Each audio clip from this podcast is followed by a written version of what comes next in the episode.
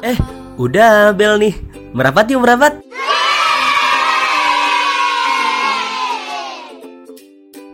Oke, halo. Balik lagi bersama saya, Maruf El Munir dalam podcast Pikir-Pikir Lagi.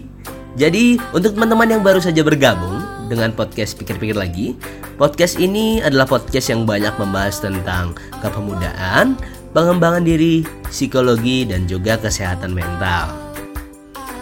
Episode 42 Memahami anak tunggal. Ya, di episode ini gue akan membahas tentang bagaimana sih caranya supaya kita bisa memahami anak tunggal. Tentu hal ini adalah hal yang menarik. Karena apa? Karena anak tunggal sendiri mungkin adalah salah satu variabel yang bisa dibilang dekat dengan gue gitu ya. Karena kan gue sendiri juga emang anak tunggal. Nah, makanya simak selengkapnya ya. Langsung aja kita mulai. 3, 2, dan 1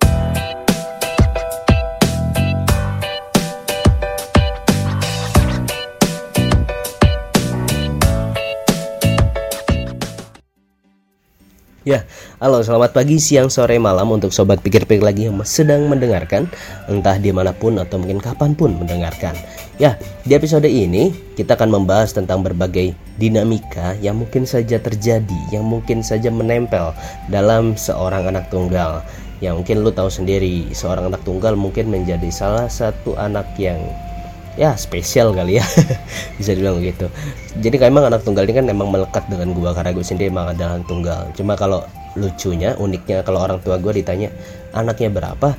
Maka orang tua gue bilang oh anak saya ya ini pak. Anak pertama dan terakhir. Nah jadi bukan anak tunggal. Nah di episode ini dengan pembahasan yang tadi kita akan mulai dari kita akan membahas tentang mitos-mitos apa saja sih yang sebenarnya menempel da, dengan seorang anak tunggal yang sering kali ada nanti ada mungkin ada dua dua hal yang mungkin langsung gue jelasin karena sangat erat sepertinya yaitu tentang egois dan juga hmm, kesepian mungkin ya kita bahas dua itu dulu.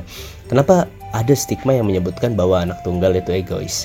Alasannya gini seorang anak tunggal sedari kecil memang ketika diberikan sesuatu atau mungkin oleh orang tuanya maka dia akan terbiasa untuk menikmati hal itu sendiri gitu.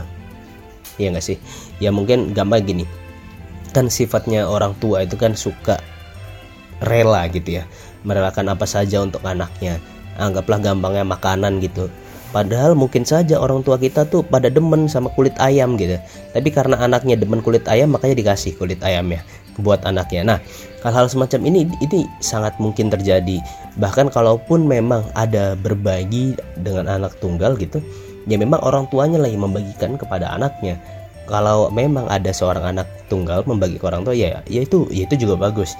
Tapi di sisi lain ini yang gua yang gua perlu highlight adalah kenapa seseorang bisa punya kecenderungan egois pertama ya tadi itu karena mungkin dari kecilnya tidak dibiasakan untuk berbagi dalam berbagai konteks ya dalam berbagai konteks. Makanya nanti bahkan ketika awalnya atau mungkin kecilnya tidak berbagi tapi kemudian suka berbagi ya mungkin saja itu nanti akan ada perubahan seperti itu.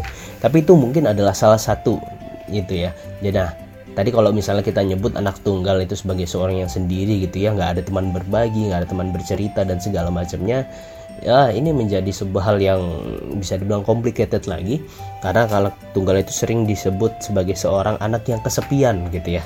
Seorang anak yang kesepian kemudian juga mungkin mudah depresi kali ya. Tapi sebenarnya gini kalau berkaitan dengan ini ya lu harus paham gitu ya. Kalau seandainya seseorang itu memang terlahir dengan bersesuatu yang unik kemudian dia berkembang dengan berbagai pengalaman pengetahuan uh, psikososialnya dan segala macamnya yang banyak mempengaruhi kepribadiannya. Makanya menjadi menjadi seseorang tertentu gitu ya. Nah kalau bicara tentang kesepian gue yakin gak cuma anak tunggal yang bisa merasa kesepian. Tapi kalau misalnya bicara sedari kecilnya lagi seperti yang sebelum-sebelumnya itu ada kemungkinan besar ya karena kalau dari gue pribadi iya cukup merasa mudah kesepian itu ya biasa. Tapi kalau mungkin lucunya gini mungkin kayak misalnya pas gua kecil gitu ya. Kalau pas gua kecil gue dulu udah merasakan gitu ya ketika TK SD ditinggal di rumah dari pagi sampai malam itu udah ya gue udah pernah ngerasain gitu. Jadi bagaimana uh, mungkin seorang anak tunggal itu bisa mempelajari mempelajari tentang bagaimana sih caranya dia itu bisa menikmati dan mungkin menghargai sesuatu. Dalam arti mungkin bahasa kerennya adalah dia bisa membuat dunianya sendiri. Nah makanya sering kali ya mungkin sama anak-anak ya kayaknya anak seorang anak kecil itu kan suka membuat teman hayalan. Ya ini walaupun gue bilang gak semua sih tapi kayak sepertinya ada kemungkinan besar untuk anak tunggal ini perlu butuh riset. Atau mungkin lu kalau misalnya anak tunggal lu boleh sharing. Coba ada yang punya nggak teman hayalan seperti itu? Tapi ini mungkin saja terjadi seperti itu. Makanya atau mungkin sekedar bukan teman hayalan tapi punya sesuatu yang bisa dimainkan dan hal-hal itulah yang yang selalu di, dijadikan teman gitu ya. Kalau gue dulu ingat banget gue selalu punya beberapa robot-robot yang gue selalu gue ajak ngomong ketika gue ditinggal gitu ya robot-robotan dan juga dulu uh, apa mainan Power Ranger. Nah, itu adalah salah satu permainan-permainan gue. Yang mungkin bahkan tidur pun dulu gue bawa-bawa. Itu ada yang seperti itu. Nah jadi memang kalau bicara tentang kesepian dan juga mudah depresi pertama kali kita harus pahami memang seorang anak tunggal itu menjadi terbiasa sepi. Terbiasa dengan sepi sedari kecil. Cuma kalau dibilang mudah kesepian atau tidak, nah itu nanti kembali ke dalam ke masing-masing pribadi ya. Seperti apa? Mungkin ada seorang yang anak tunggal tapi di rumahnya ramai ya mungkin saja dia tidak tidak seperti itu gitu. Atau mungkin uh, dia anak tunggal tapi sering main dengan teman-temannya ya mungkin tidak begitu. Jadi banyak masih banyak kemungkinan gitu. Nah, tapi kalau misalkan kita bicara kesepian lagi tentu nanti arahnya kepada introvert extrovert bagaimana seseorang itu dia nggak take a time gitu mengambil mengambil waktu untuk dia bisa memulihkan lagi energinya supaya dia bisa melakukan sesuatu yang mungkin butuh suatu energi di energi yang luar biasa gitu ya. Banyak banyak hal-hal yang seperti ini. Nah memang tentunya punya kecenderungan tersendiri. Anak-anak tunggal itu ya terbiasa untuk introvert gitu ya dalam arti kalau memang dia udah lelah dia dia butuh waktu untuk sendiri. Dia butuh waktu untuk menenangkan diri. Dia butuh waktu untuk me time lah bahasanya. Ya ya ini dan ini adalah gua. Gua banget kalau jujur ya. Jujurnya ini adalah gua banget. Bahkan di momen-momen gue paling ingat ketika gue di Jogja. Ketika gue di Jogja banyak sekali hal yang mungkin membuat segala pikiran perasaan jiwa itu segala macam kalau udah terkuras bukan jarang gak jarang gua tuh pergi sendirian ya mungkin ke tempat-tempat yang belum pernah gua kunjungin bahkan sengaja tersesat. Itu i, itu pernah gua lakukan. Jadi sengaja tersesat gua pernah melakukan. Atau mungkin uh, sengaja liburan atau mungkin datengin tempat wisata yang gua tahu kalau di jam segitu gua itu tutup tapi gua nerobos aja masuk. Itu gua pernah juga. Kemudian gua pernah ke di Jogja tuh ke datang ke tempat wisata yang gue nggak lewat jalur utama kalau lewat jalur utama bayarnya harus 40-50 ribu ke atas. Tapi gue lewat jalur kecil lewat pagar gitu nyelonong dari bawahnya bayar cuma bayar parkir 2000 itu pernah gue lakukan semua. Dan apakah sendiri? Iya. Itu itu adalah hal yang menarik gitu ya. Cuma yang memang gue pengen highlight lagi siapa pun itu terutama anak tunggal ya lu lu harus punya harus kenali kenali momen-momen itu. Lu harus kenali dengan diri lu gitu. Ah, lu punya kecenderungan seperti apa? Kalau gua memang punya kecenderungan untuk mengambil waktu mengambil posisi me time yang seperti itu. Mungkin ada orang-orang lain yang tidak seperti itu.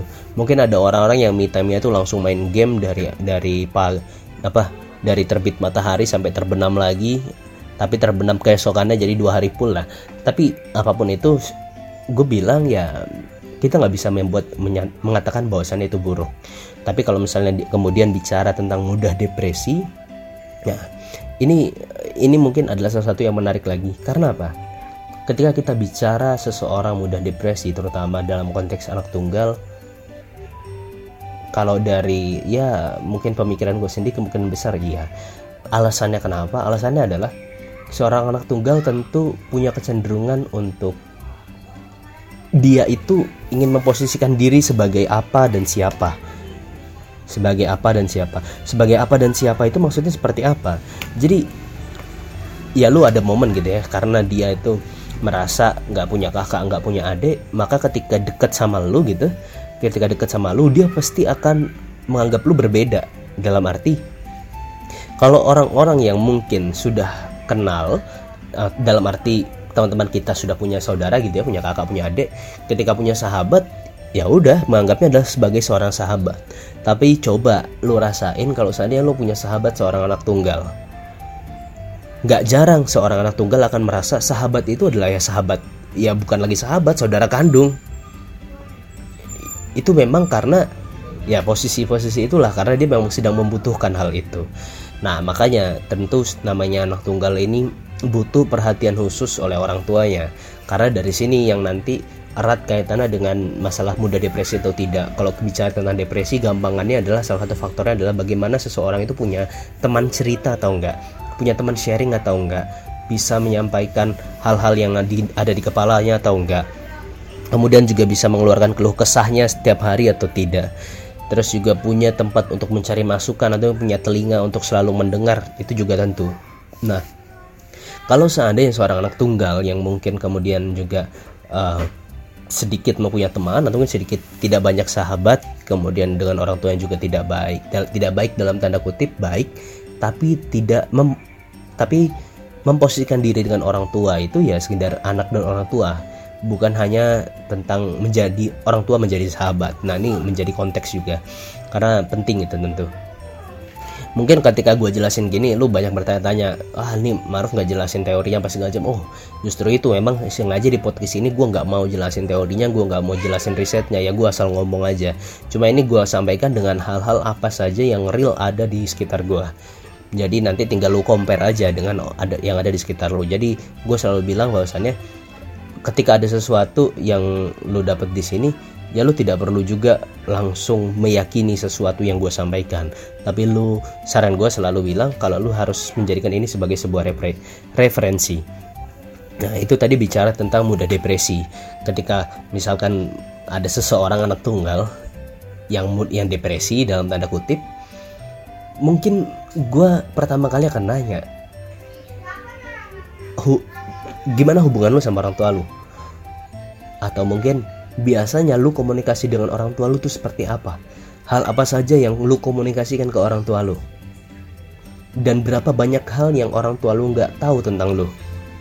Nah mungkin di sana adalah awal-awal yang gue yakin itu akan menjadi sebuah uh, cerita yang panjang gitu ya. Untuk memulai sebuah ya mungkin assessment mungkin ya atau mungkin sebuah sesi konseling itu pasti akan panjang pembahasannya. Nah, uh, kemudian oh iya ada stigma lain yang mungkin tadi tertinggal adalah manja. Nah, kalau manja ini mirip-mirip tadi ya karena terkait dengan anak tunggal, kemudian mungkin terbiasa ya dia karena anak satu-satunya makanya dia disayang banget sama orang tuanya mungkin segala hal yang dimaunya mungkin bisa saja pasti di diberikan gitu ya diberikan dipenuhi. Tapi kalau misalkan bicara manja atau tidak ya hmm, sepertinya sangat ya tergantung tadi perkembangannya. Kalau ini karena penjelasannya lebih sulit ya karena benar-benar proses proses hidupnya nanti akan banyak mempengaruhi. Tapi setidaknya jelas namanya manja atau tidak itu bergantung pada bagaimana parentingnya dari orang tua itu. Nah ini ini mungkin sebagai terakhir. Pembahasan gue terakhir adalah seperti ini. Ini ini mungkin sesuatu yang gue temukan sendiri setelah sekian lama gue hidup ya. Hampir 25 tahun gue hidup hampir seperempat abad gue hidup hampir mungkin sudah ada 50-an orang sepertinya. Anak tunggal yang udah gue temui gue kenal dekat dan segala macamnya banyak ya. Dan gue mengetahui ini setiap anak tunggal punya kecenderungan tertentu mungkin bisa dibilang kepribadian lah kecenderungan kepribadian. Kalau misalkan umumnya kita sering pakai introvert extrovert tapi untuk anak tunggal ada kepribadian kecenderungan yang mungkin gue sebutnya adalah kecenderungan kakak atau mungkin kecenderungan adik. Nah ini ini nanti yang akan mempengaruhi banget di berbagai stigma tadi gitu ya. Ketika misalkan uh, gue bilang ada seorang anak tunggal itu bergantung pada dua hal tadi. Dia itu lebih kepada lebih sebagai seorang kakak atau mungkin seorang adik. Dia itu tipe kepribadian yang mana? Mungkin gampang ya kalau misalnya kita ya kita sederhanakan. Kalau misalkan kepribadian seorang kakak itu pertama misalkan mengayomi gitu ya. Kemungkinan kepribadian seorang adik yang maunya uh, ditolong dimanja gitu ya. Nah kok seorang kakak kan sebaliknya gitu ya.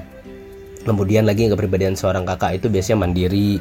Kemudian kepribadian seorang adik itu kan ya dia ya pengennya dituntun misalkan seperti itu. Banyak hal lah. Jadi itu adalah hal-hal yang mungkin ya lu kalau misalnya bertemu dengan seorang anak tunggal mungkin itu jadi salah satu faktor juga untuk lu bisa memahami si anak itu. Ini sorry kalau misalnya apa uh, di rekaman ini lebih berantakan dalam arti banyak suara-suara macam-macam. Ada suara kerincing-kerincing karena ada kucing di samping gua kemudian ada suara ayam ada suara motor ada ini. Kayak emang karena gua konsep gua rekaman ya gini aja. Di depan kontrakan duduk nyantai sambil depan laptop sambil dengan kopi teh menikmati hujan dan segala macamnya lah. Ya itu tadi. Jadi ketika ada uh, ke kepri kecondongan kepribadian kakak atau mungkin kecondongan kepribadian ke kepada adik. Kalau gue pribadi mungkin bisa dikatakan ke punya kecenderungan yang mana sepertinya gue punya kedua kedua kecenderungan itu. Dalam arti ada momen tertentu dalam bahkan sampai sespesifik gue ada momen yang menempatkan diri gue sebagai seorang kakak kepada si A ada momen gue menempatkan diri sebagai seorang adik kepada si B. Nah ini yang menjadi menarik. Karena apa karena gue pribadi mungkin secara alam bawah sadar gue gue merasakan gue ingin menjadi seorang kakak dan gue juga ingin menjadi seorang adik. Makanya di bawah momen tertentu gue pengen merasakan keduanya. Karena gue nggak miliki itu ya gue mencari itu. Ya mungkin dari orang-orang yang mungkin lu kenal di sekitar lu di sekolah mungkin ya dari awal mungkin di sekolah. Kemudian dilanjut lagi mungkin dari sepupu lu gitu ya atau mungkin dari lingkar-lingkar di apa kuliahan mungkin seperti itu. Kemudian ketemu lagi di tempat kerja dan segala macamnya Nah, jadi itu adalah konsep uh, apa penjelasan untuk eh, episode kali ini. Jadi di episode ini gue bahas segitu dulu. Semoga harapannya sih ada diskusi yang akan menarik nanti mungkin akan masuk di email dan Instagram atau segala macamnya. Nah, semoga podcast ini bermanfaat. Singkat aja ini sekitar 17 menit ya episode ini. Di ke depannya mungkin gue akan ngebahas hal-hal lain lagi. Gue masih sepertinya 5 episode terakhir 10 episode terakhir sepertinya gue selalu mau, mau apa mengucapkan maaf atas ketidakkonsistenan gue untuk meng, menguploadnya gitu ya. Jadi ya mohon maaf lahir batin lah untuk itu. Ya by the way semoga ada manfaatnya semoga ada hikmahnya semoga ada baiknya. Tapi gue juga yakin ini semua pasti ada kurangnya pasti ada salahnya. Oke gue tutup. Sampai jumpa di podcast pikir-pikir lagi episode selanjutnya. Dadah